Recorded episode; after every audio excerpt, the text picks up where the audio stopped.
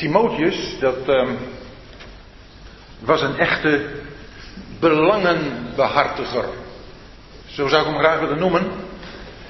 Want Paulus die zegt over Timotheus dat hij niemand van gelijkgezind als hij heeft die zo trouw uw belangen zal behartigen.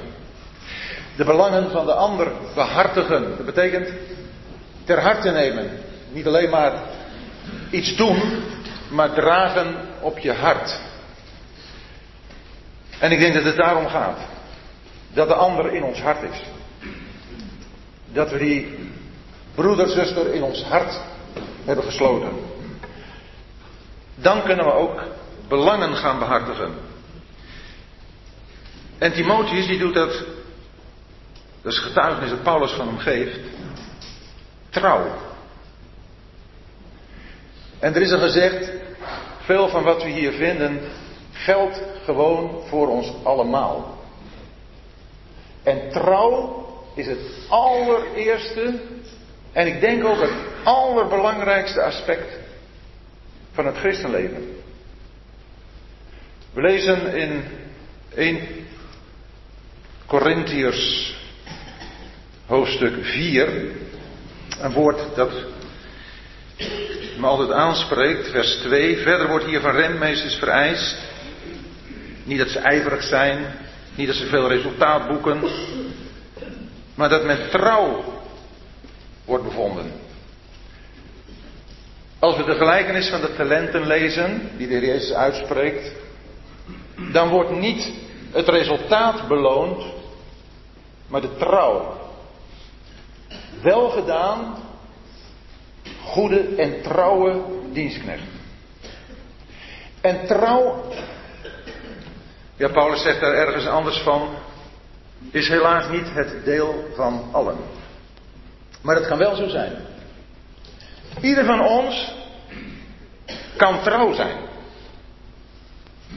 Trouw als je getrouwd bent in je huwelijk ten opzichte van je man-vrouw.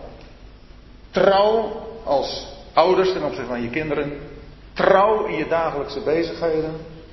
Trouw in de gemeente, in het bezoeken van de gemeente, in het dragen van de dingen van de gemeente. Trouw. Dat heeft helemaal niets te maken met een gave. Die gaven die we allemaal hebben, allemaal onderscheidend daarin zijn, die moeten we gewoon met trouw uitoefenen. En waar is nu de trouw? We leven in een wereld vol trouweloosheid. Ze zullen zijn, dat is de laatste dagen, trouweloos. Zonder enige trouw. Huwelijken spatten uit elkaar, gezinnen spatten uit elkaar. Gemeenten spatten uit elkaar. Omdat er geen trouw. Trouw aan het woord, trouw aan de Heer is, trouw aan de roeping waarmee we geroepen zijn. Paulus die kon Timotheus zenden en dan kon hij zeggen, ik heb niemand van gelijke gezindheid als hij. Als Timotheus daar in Filippi binnenkwam, dan konden ze bij wijze van spreken zeggen, hé, hey, dat is Paulus. Een man die in zijn hele optreden aan Paulus deed denken. En ik, ik mag het graag nog een beetje zo toepassen ook. U en ik, jij en ik, we kunnen allemaal trouw zijn in het laten zien van wie Paulus is. Dat betekent dat we wat Paulus ons in het woord van God heeft voorgehouden, in de diverse brieven die hij geschreven heeft, dat u en ik daarvoor staan. In deze wereld, in de christenheid, dat wij trouw blijven aan alles wat Paulus heeft gesproken. Maar, of en, in die gezindheid ook. Daar heeft het ons, heeft het mij, best wel eens aan ontbroken. Want je kunt Paulus kennen, maar niet zijn gezindheid hebben. Maar beiden moet. Het kan niet anders. Van, ja weet je wel, als we nou maar allemaal lief zijn voor elkaar. Dat gaat ook niet, want dan heb je geen basis. En vroeg of laat breekt dat ook op. Er moet een basis zijn van trouw aan wat Paulus heeft geschreven door de Heilige Geest. In de gezindheid die hij in dit hoofdstuk aan ons voorstelt van de Heer Jezus. En die hij zelf heeft getoond in zijn leven, in zijn dienst. En die in Timotheus zichtbaar is geworden. En in dat opzicht, denk ik, kunnen we wel het verlangen hebben om op de Heer Jezus, Paulus en ook Timotheus te gaan lijken. En als dat voor ieder van ons het verlangen is, dan gaat dat veranderen in ons leven, in onze onderlinge omgang, ook in ons gehele gedrag in de wereld. Buren, collega's, medescholieren, het maakt niet uit, maar dat heeft een effect in alle contacten die we hebben. En van deze Timotheus kan Paulus dit zeggen. Overigens ook nog een aspect van belang is dat Paulus een oudere gelovige was, Timotheus een jongere gelovige. Het is gewoon prachtig, ook gewoon sowieso om de schrift daar eens op na te gaan, hoe oudere gelovigen en jonge gelovigen samen kunnen gaan. Onlangs zei iemand tegen mij, het is, het is mooi, er was een, een vrij grote gemeente. En uh, die broer zei, waar het om gaat is, uh, ja, er zijn er die geven gas, jongeren geven gas. En er zijn er die trappen op de rem, dat zijn de ouderen. Als je alleen gas geeft, vlieg uit de bocht, voor ongelukje. Als je alleen op de rem staat, kom je niet vooruit. En dat is nou wat we nodig hebben, op elkaar nodig, jongeren en ouderen. En ik denk dat met name van ons ouderen gevraagd mag worden om de jongeren te begrijpen, omdat, ja, als we dat niet doen, geven we blijk van het feit dat we vergeten zijn dat we jong geweest zijn. En in dat opzicht vind je in Paulus en Timotheus ook een prachtig voorbeeld van samengaan. En ik hoop ook dat ook in de overdenking zo van de gezindheid van de Heer Jezus dat een uitwerking is dat ook al zou er een, een, een generatie, conflictgeneratie, kloof, ja, daar hoor je dan wel eens over, uh, dat je daaraan denkt, moet gewoon geen optie zijn. Het gaat erom dat we samen, zoals een Paulus en een Timotheus, jongeren en ouderen, de weg van de Heer Jezus gaan, achter hem aan zijn voorbeeld, gebaseerd op het woord van God.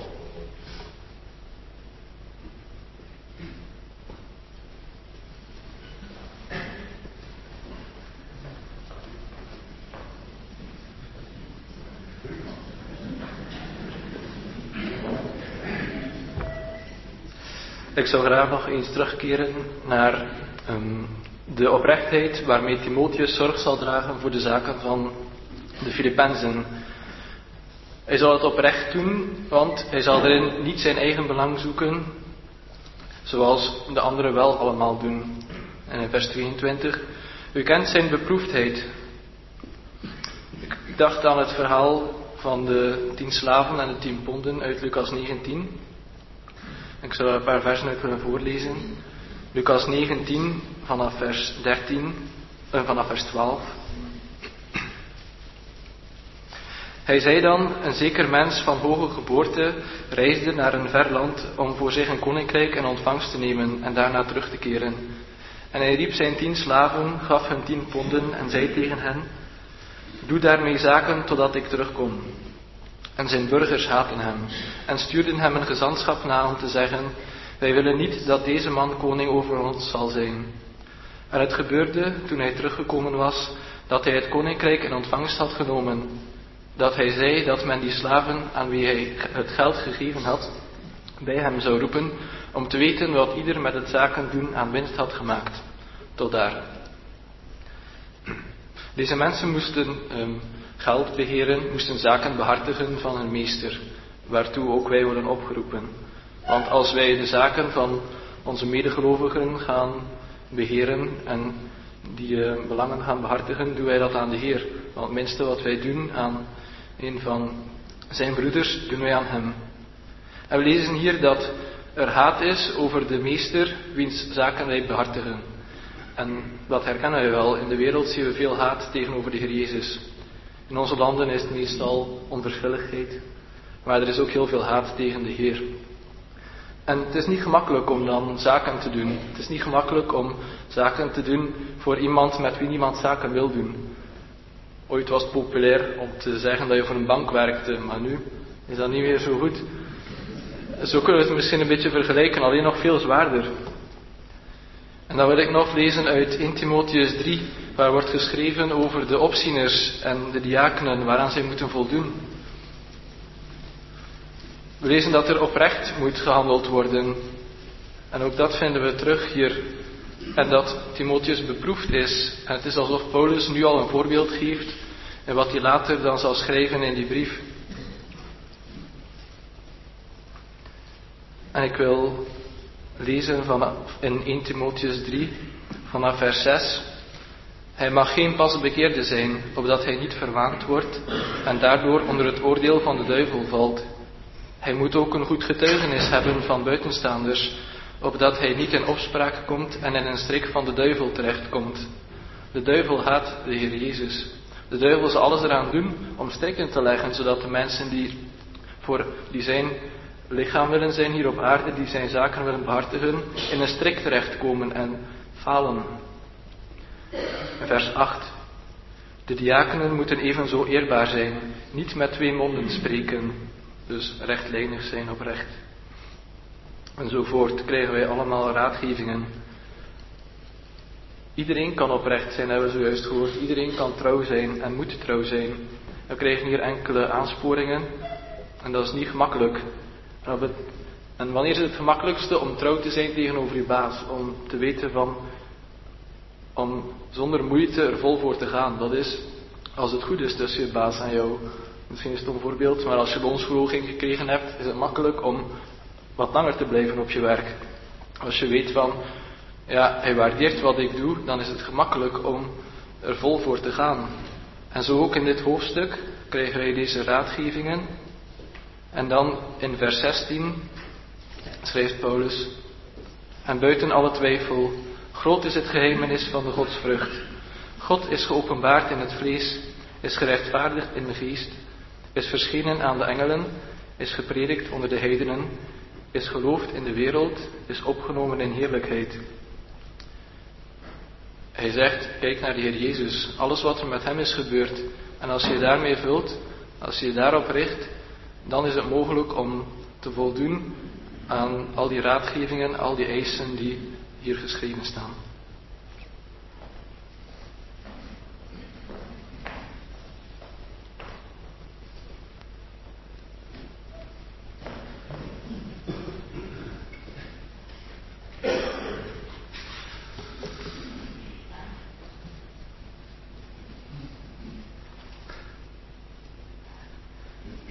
Zij zoeken allen het, het hunne, niet hetgeen van Christus Jezus is.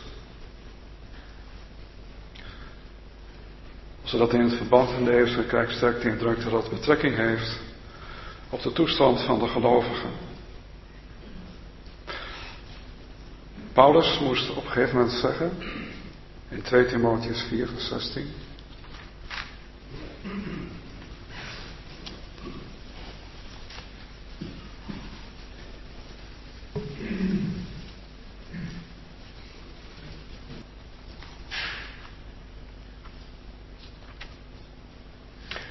Mijn eerste verantwoording is niemand bij mij geweest, maar ze hebben mij allen, let op het woord allen, ze hebben mij allen verlaten.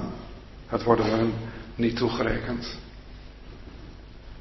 Ook hier vinden we weer de situatie die zich daar voordoet ten opzichte van de apostel Paulus. En ook zijn gezindheid, het worden hun niet toegerekend. Als we deze achtergrond voor ons hebben, over hoe met Paulus omgegaan werd later en ook hier, want wij zoeken allen het hunne, niet hetgeen van Christus Jezus is, dan schittert des te meer, hoewel het natuurlijk de Heer is die dat bewerkt. In Timotheus houdt het niet van zichzelf, maar toch de trouw de toewijding van Timotheus. Een verhouding van een zoon ten opzichte van zijn vader. In 2 Timotheus 3, vers 16.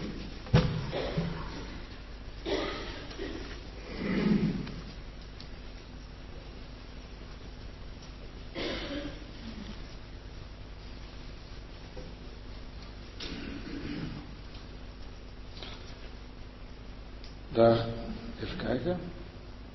Dat klopt niet.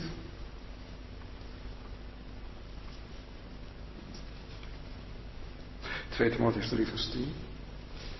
Daar getuigt Paulus van Timotheus. Maar gij hebt nagevolgd mijn leer, wijze van doen, voornemen, geloof, langmoedigheid, liefde, leidzaamheid. Mijn vervolgingen, mijn lijden, zoals mij overkomen is in Antiochië, in Iconium en in Lystra. Tot zover. Hier vinden we opnieuw een getuigenis van Paulus over Timotheus. Als we, anders, eh, als we de net hebben eh, stilgestaan bij die allen, dan zien we hier opnieuw de toewijding van Timotheus. En dat hij Paulus en dus ook de Heer was nagevolgd.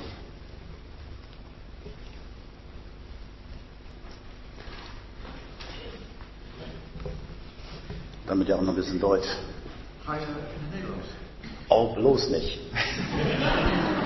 Ik kan alleen maar een paar zinnetjes Oké. spreken. Als ich äh, jünger war, ein Junge war, dann war ich auch oft äh, bei einer solchen Konferenz Als oder jonge man was ik ook vaak bij zulke soort conferenties. und manchmal erzählten dann die Brüder interessante Geschichten En dan vertelden de broeders wel eens interessante geschiedenissen. und äh, dann stand irgendwann ein alter Bruder auf En und dan sagte, stond er wel eens een oude broeder op. der sagte, das ist alles schön und gut, Dat is allemaal heel mooi en goed. aber das schönste Vorbild ist unser Herr Jesus. Maar het mooiste voorbeeld, dat is onze Heer Jezus. Und dann ging bei mir die Klappe runter. En ja, dan sloeg ik helemaal dicht. Ja, das, ah, jetzt kommt das wieder. En dan dacht ik, oh, oh, daar hebben we dat weer. Ich konnte damit nichts anfangen. Ik kon er niks mee beginnen. Das ist zwar so, der Herr, ja klar, aber der ist so hoch über Dat is natuurlijk zo. De Heer is alles, maar Hij is zo boven ons verheven. Und äh, Bruder Tony, glaube ich, oder andere ach, haben das schon gesagt, äh, Maar broeder Tony of iemand anders heeft al gezegd. dass äh, es geht um unseren Herrn, Het gaat om onze Heer, dann um Paulus dan om Paulus und Timotheus. Timotheus. Da wurde betont, der Eph- Epaphroditus En dan- einer von euch. en dan Epaphroditus. Nou, dat is er een van ons. Ähm, ich finde es ganz erstaunlich, wie Gottes Wort hier vorgeht, Ik vind het verbazingwekkend hoe Gods woord hier tot ons komt. Dass diese Dinge bei uns in unser Leben hineinkommen. Dat, onze, Dass diese Dinge, um die es hier geht, in unser Leben hineinkommen. dat deze dingen die, waar het hier om gaat, dat die in ons leven naar binnen komen. Also nicht der große Paulus, Niet de grote Paulus, das ist schon ein Widerspruch in sich selbst. dat is al een eh, tegenspraak in zichzelf. Wir sagen ja, der große Apostel Paulus, Wij zeggen wel de grote apostel Paulus, das würde aber übersetzt heißen, der große Apostel Kleine. maar dat zou vertaald eh, betekenen van de grote apostel de kleine. Wenn wir an Philippa 2 ab Vers 6 denken, Wanneer we denken aan Filippiërs 2, vers, vanaf vers 6, das wird ja oft äh, in unserer Zusammenkunft gelesen, wenn es um unseren Herrn geht beim Brotbrechen. dat wordt bij ons in de samenkomst vaak gelezen. eh, in de samenkomst waar we brood breken. Und äh, da wird manchmal das weggelassen, passt auch nicht so, diese Gesinnung sei in euch. En dan wordt dan weggelaten, dat hoort er dan ook niet zo bij. Laat die gezindheid in u zijn. Ist das nicht eine totale Überforderung? Is dat niet iets wat eh, veel te ver gaat? Wir können uns doch nicht vergleichen mit dem Herrn. Wij kunnen ons toch niet vergelijken met de Heer. Auch nicht mit Paulus, Ook niet met Paulus.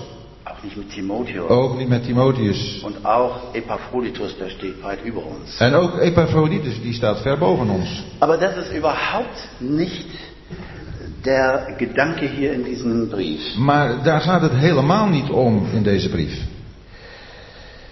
Es geht darum, dass das in uns ist, was in dem Herrn Jesus war Het gaat erom dat in ons is wat in de Heer Jezus was. und wo Menschen wie Paulus, Timotheus, Epaphroditus und du und ich En waar, waar mensen als Paulus en Timotheus en Epaphroditus en, en jij en ik, die Möglichkeit haben, dass das auch bei uns stattfindet. de mogelijkheid hebben dat dat ook bij ons gebeurt. Wir haben an den Kernvers äh, Philippa 1,21, das Leben ist für mich Christus und das Sterben Gewinn, oft schon gedacht. We hebben al vaak gedacht aan dat kernvers uit Filippiërs 1, vers 21. Te leven is voor mij Christus en te sterven is winst.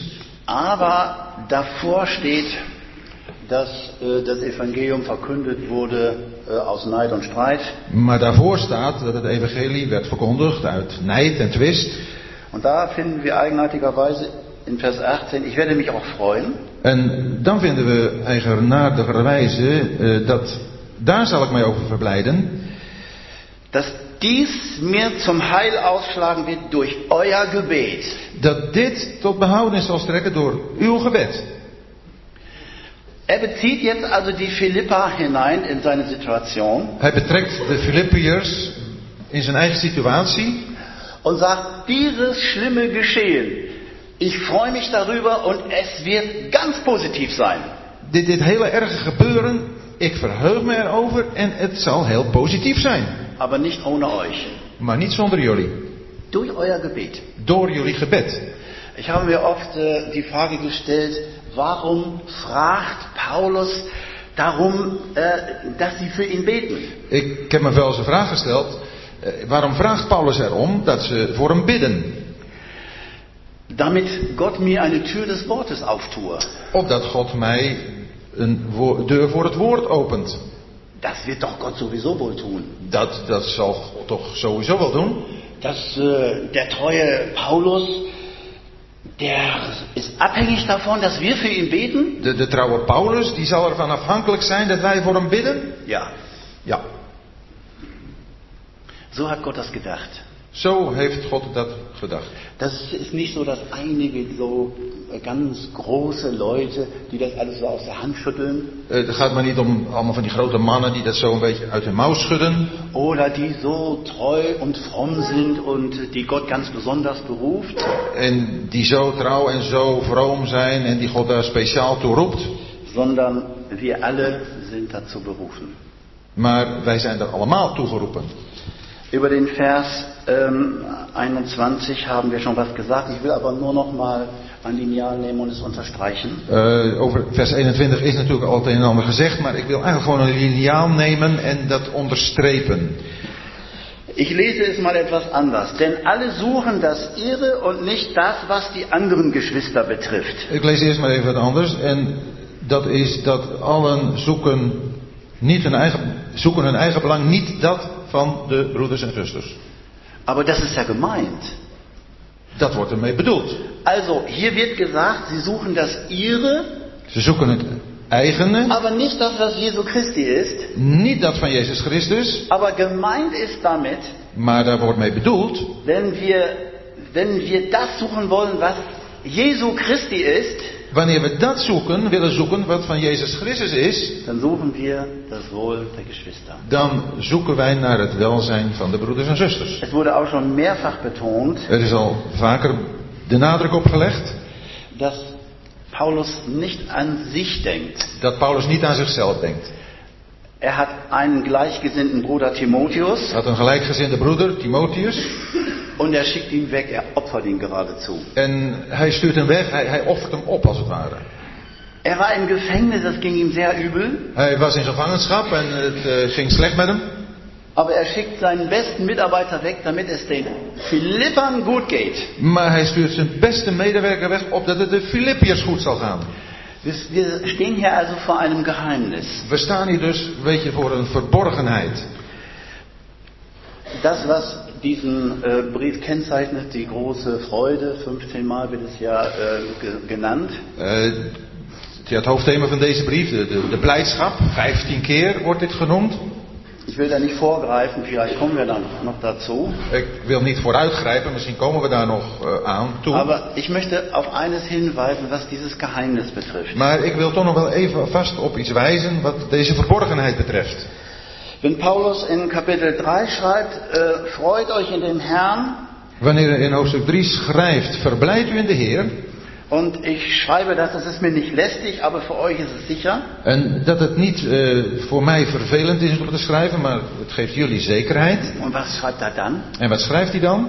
Seht auf die Hunde, seht auf die bösen Arbeiter, seht auf die Zerschneidung. Kijkt uit voor de honden, kijkt uit voor de boze arbeiders, kijkt uit voor de versnijdenis.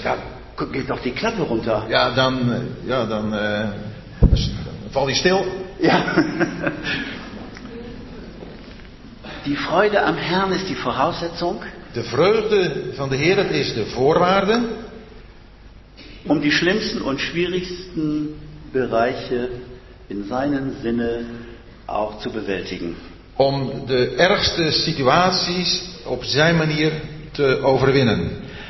Insofern ist jetzt das Vorbild nicht nur jemand, der weit über uns steht und den wir gar nicht erreichen können, Dus gaat het niet zozeer om een voorbeeld van iemand die ver boven ons staat en die wij niet kunnen bereiken, sondern die ein menschliches Beispiel sind, dem wir sofort nachfolgen können. maar die een menselijk voorbeeld zijn die wij direct kunnen navolgen.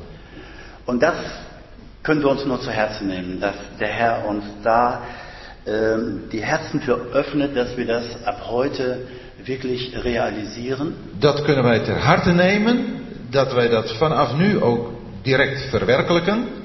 Ein letztes noch, Nog een, een slotopmerking. wenn er sagt, ich habe keinen Gleichgesinnten, der von Herzen für das Eure besorgt sein wird. Wanneer hij dan zegt, ik heb niemand van gelijke gezind als hij die zo trouw uw belangen zal behartigen. Wir hatten in unserer Heimatversammlung einen Bruder, We hadden in onze thuisgemeente een eh, broeder, ein sehr treuer Mann, een trouwe man, sehr geachtet von allen. hooggeacht door allen. Äh, er hatte eigentlich den höchsten Stand von allem äh, beruflicherseits. Ook wat het beroepsleven betreft was hij eh, ja, boven iedereen.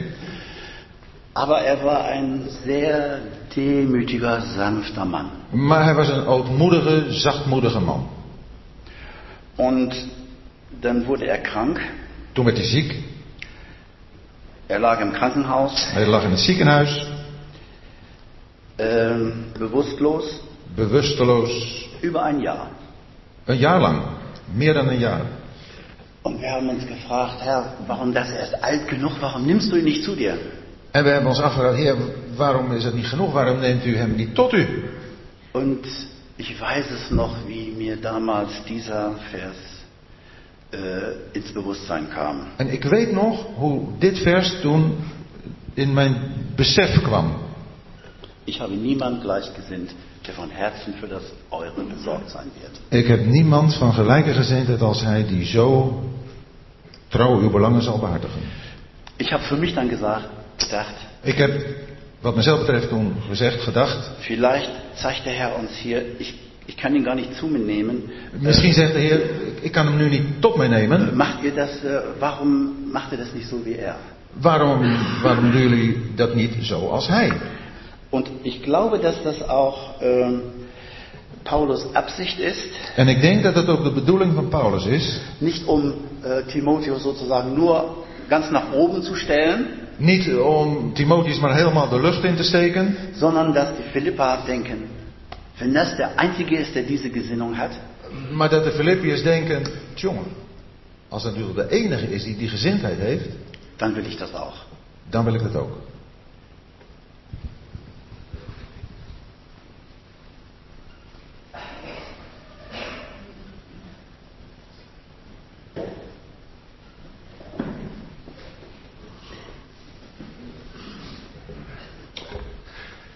Misschien mag ik een beetje stout zijn. We hebben al heel lang over eh, Timotheus gehad. Maar ik wou het over de volgende broeder hebben. En ik, eh, heb een beetje over nagedacht. Hij heeft een eh, bijzondere naam. Afrodite zit erin. Epaphroditus. lieflijk, heb ik ervan gelezen, dat betekent. Mag een andere broeder iets van meer zeggen. Het gaat mij meer om zijn, zijn taakomschrijving. Taakomschrijving die broeder.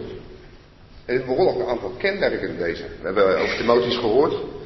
Dat er niemand zoals hij was. En nu komen we eigenlijk een beetje op een taakomschrijving die wij, eh, ja, wij onszelf kunnen aantrekken. En de eerste is die Paulus die zegt, is, hij is broeder. Dat is mooi. Dan ben je gelijk, hè? We zijn allemaal broeders. We zijn op hetzelfde niveau. En graag, daar blijven we ook, op die, dat niveau, daar blijven we graag. Dan zien we elkaar zo recht in de ogen. En dan zitten we op hetzelfde niveau. En Paulus zegt er wel iets bij. Hij zegt, mijn broeder. Dus dat geeft toch wel een bepaalde band ook weer. Maar die broeder die heeft ook een, een, een volgende taak. Die heeft zich iets, ja, heeft iets gedaan met zijn leven, om het zo te zeggen. Hij is gaan medearbeiden. Hij is gaan meewerken. En uh, één ding weet ik van werken, ik werk nog. En als je een poosje met dezelfde collega moet werken, dan moet je inleveren. Toch? Want als je samen wilt blijven werken, dan brengt dat met zich mee dat je gaat communiceren, dat je gaat luisteren met anderen, dat je gaat samenwerken.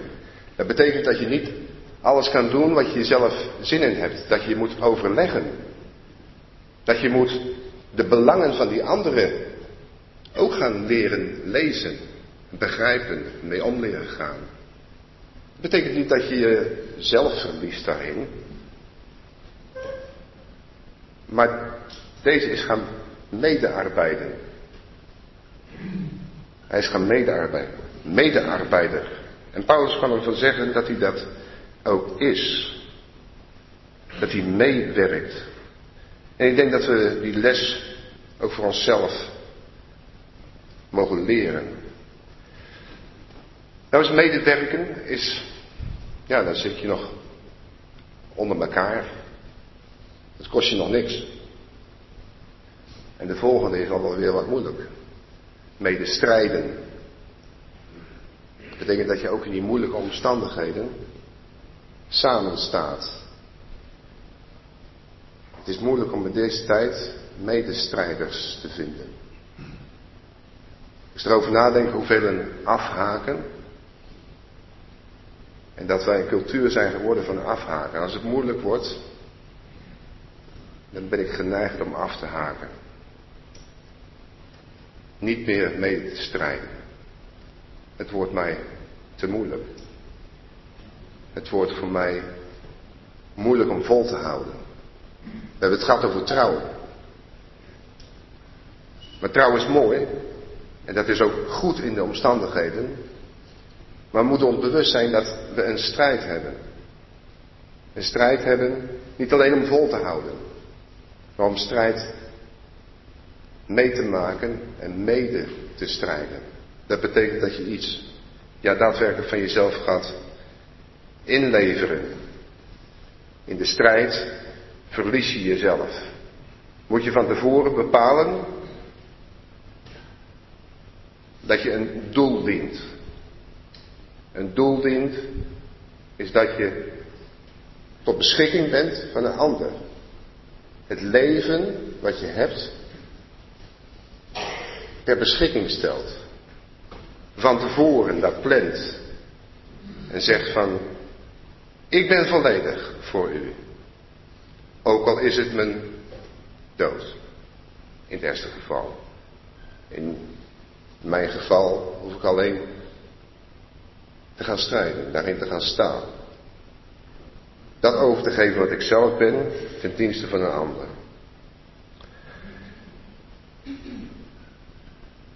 En dan is hij, het is nog iets anders. Paulus zegt, en, en uw gezant, uw apostel. Dat wil zeggen dat je de boodschap overbrengt van een ander. Dat je de boodschap doorgeeft wat een ander tegen jou verteld heeft. Dat geeft mij aan van dat hij dienstbaar is, zoals, zoals Paulus een apostel was. En zoals anderen boodschappen doorgaven van Christus. Dat je je leven stelt op die manier. Dat je reflecteert wat een ander tegen je gezegd heeft. Je bent het stuk papier wat je voorlegt aan een ander. Het is zijn boodschap die je doorgeeft. Dat je je mag stellen tot het doorgeven van het woord. Doorgeven van die berichten die belangrijk zijn voor een ander. Bedienaar. Dat heeft iets met staat te maken, heb ik begrepen. Met een officiële instantie. Dat je in dienst bent ten behoeve van God. Dat je in dienst bent en dat je op die manier ook, als het ware, als ik het zo mag vertalen, betaald wordt. Dat je verantwoording afdraagt. Dat je waar je in staat ook een functie in hebt. Een functie bent, hebt in het geheel. En ik denk, we hebben allemaal een arbeidsveld en we weten dat we ergens voor verantwoordelijk zijn. Dat we een taak hebben die we naar onze verantwoording moeten uitvoeren. Een taak hebben die we inderdaad trouw moeten uitvoeren. Maar waar we ook verantwoordelijkheden in hebben. En die verantwoordelijkheden mogen uitdragen. In Epaphroditus vinden we de taakomschrijving die we ons allemaal kunnen aantrekken. Waarvan we mogen leren. Epaphroditus, een broeder, zoals jij en ik. Een broeder die ons in ons werk mag aanspreken. Een broeder die naar anderen verlangt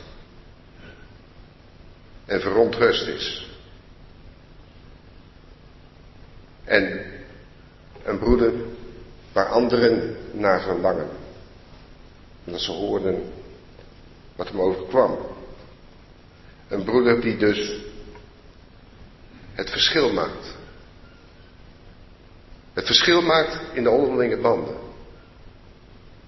En dat is wat we toch willen bereiken. Dat we tot elkaar komen. Daar moet ik van leren. Ik sta graag op mezelf, ik ben graag een eenling. Ik ben niet zo uitstrekkend, maar er zijn er anderen die wel zich naar anderen trekken. Ik wil daar op gaan lijken. Op zo'n broeder. Die zich ten dienste stelt voor anderen. Die zijn hele tijd en zijn hele leven zich laat leiden voor anderen.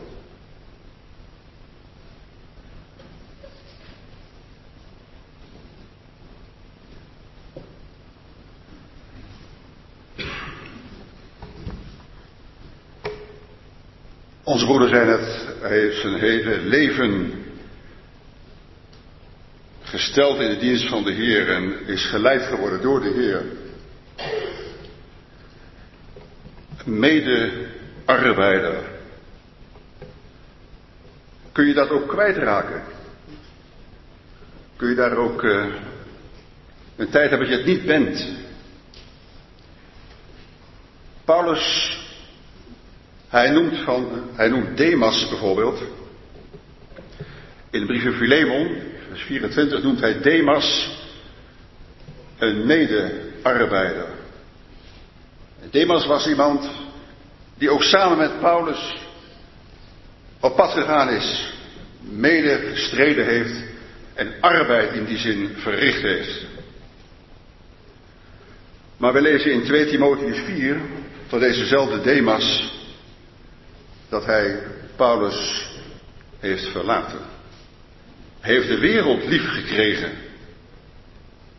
En hij was in dat opzicht toen geen mede-arbeider meer. Helaas. Helaas, van deze toegewijde arbeider moest gezegd worden, heeft de wereld lief gekregen en is bij mij weggegaan. De Heer kon in dat opzicht niets meer met hem beginnen. De Heer kon ook niets meer van hem vragen om arbeid voor de Heer te verrichten. Hij had andere dingen aan zijn hoofd.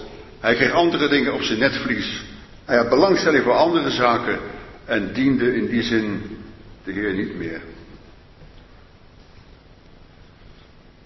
Toch zijn er ook anderen die een andere weg gingen. Ik denk bijvoorbeeld aan Johannes Marcus. We lezen van hem in Handelingen 13 dat Paulus Johannes Marcus meeneemt en dan is Johannes Marcus dus een dienaar. Dan is hij een medearbeider geworden voor Paulus die op weg gaat zijn zendingsreis in die zin aanvangt. Paulus en Silas gaan met Johannes Marcus op pad. En Johannes Marcus is een medearbeider geworden. Een jonge medearbeider vermoedelijk. Enthousiast. En heeft zich willen inzetten voor het werk van de Heer. En heeft bij broeder Paulus het nodige gehoord en gezien en geleerd. En is in die zin een actieve medearbeider geweest. Maar helaas, op een moment waarvan we lezen in met name op een gegeven moment dus Handelingen 15, lezen we dat dus deze Johannes Marcus het laat afweten. Hij laat het afweten. Wordt de arbeid hem te zwaar? Is de strijd hem te fel? Is de tegenwerking misschien van die aard dat hij zegt van maar dit kan je niet meer opbrengen? Wij weten het niet. Wij weten niet waarom Johannes Marcus op dat moment Paulus is als verlaten heeft. Hij is in ieder geval weer teruggegaan. Teruggegaan naar de plek waar hij vandaan kwam. Helaas. Helaas. Geen arbeid meer samen. Geen mede-arbeider meer. Niet samen inderdaad, dat we net gehoord hebben. Samen op een gegeven moment iets ondernomen hebben. Op elkaar gelet hebben. Iets voor elkaar betekend hebben. In moeilijke momenten elkaar gesteund hebben. En op die manier en ziende op de Heer bezig geweest te zijn. Toch zien wij die Johannes Marcus weer opduiken. In diezelfde brief van Filemon. Daar zegt Paulus dat Johannes Marcus degene is die hem van veel nut voor de dienst is. Johannes Marcus is iemand op een gegeven moment die toch weer in die zin, hoe dat ook met Paulus in contact gekomen is en in die hoedanigheid de arbeid weer een medearbeider geworden is. Een medearbeider in de dienst op een gegeven moment voor de Heer. Wat een genade. Wat een omslag in het leven van deze jonge Marcus. Die toch weer, hoe dan ook, geïnspireerd door de Heer zelf, denk ik. En opnieuw toegewijd, opnieuw met Paulus samen als mede-arbeider het veld intrekt, het arbeidsveld intrekt. En deze, deze jonge arbeider, samen met Paulus, hij mag weer arbeider zijn. En wat nog meer. Deze Marcus mag zelfs een heel evangelie schrijven. Wij hebben een heel evangelie in de Bijbel zitten, wat Marcus op een gegeven moment heeft mogen schrijven. Wij kunnen misschien soms denken, ik ben afgeschreven. Dat zou kunnen. Zoals een jongen, als een Marcus, dat het, dat het zwaar wordt, dat het moeilijk wordt. Dat het erbij gaan laten zitten. Niet zoals een Demas. Dat we zeggen van, en dat de Heer ons daarvoor bewaart. Dat we als arbeider voor Hem op een gegeven moment ervoor bewaard mogen zijn om de wereld lief te krijgen. De wereld waarin we vandaag de dag leven. Want daar kom je een keer van terug. Maar in hoeveel gevallen is dat niet gebeurd, ook in onze tijd. Arbeiders in die zin de wereld lief kregen, andere zaken lief kregen. Ja, dus Marcus is iemand dan zou je kunnen zeggen van, de genade van de Heer is voor hem heel groot geweest. Hij mocht nogmaals in die zin, hij kreeg een tweede kans zou je zeggen. Een tweede kans om voor de Heer op een gegeven moment bezig te mogen zijn. bezig te mogen zijn voor de Heer. En zo hebben wij misschien wel eens als mensen, als broeders, hier wordt Epaphroditus een broeder genoemd. En dat is iets dat kun je niet uitvlakken of uitvissen. Dat blijft zo. Misschien hebben wij wel eens de neiging om te zeggen, die broeder is afgeschreven. Daar wordt niks meer. Echt. Die heeft het erbij laten zitten. En daar kun je niet meer mee samenwerken hoor. En die heeft zo zijn eigen ideeën. Hé, dat spoor niet met wat wij op een gegeven moment denken of doen. Nee. Dat we iemand afgeschreven hebben. Uitgeschreven hebben. Maar uh, de Heer is anders. Als hij de gezindheid van Marcus ziet.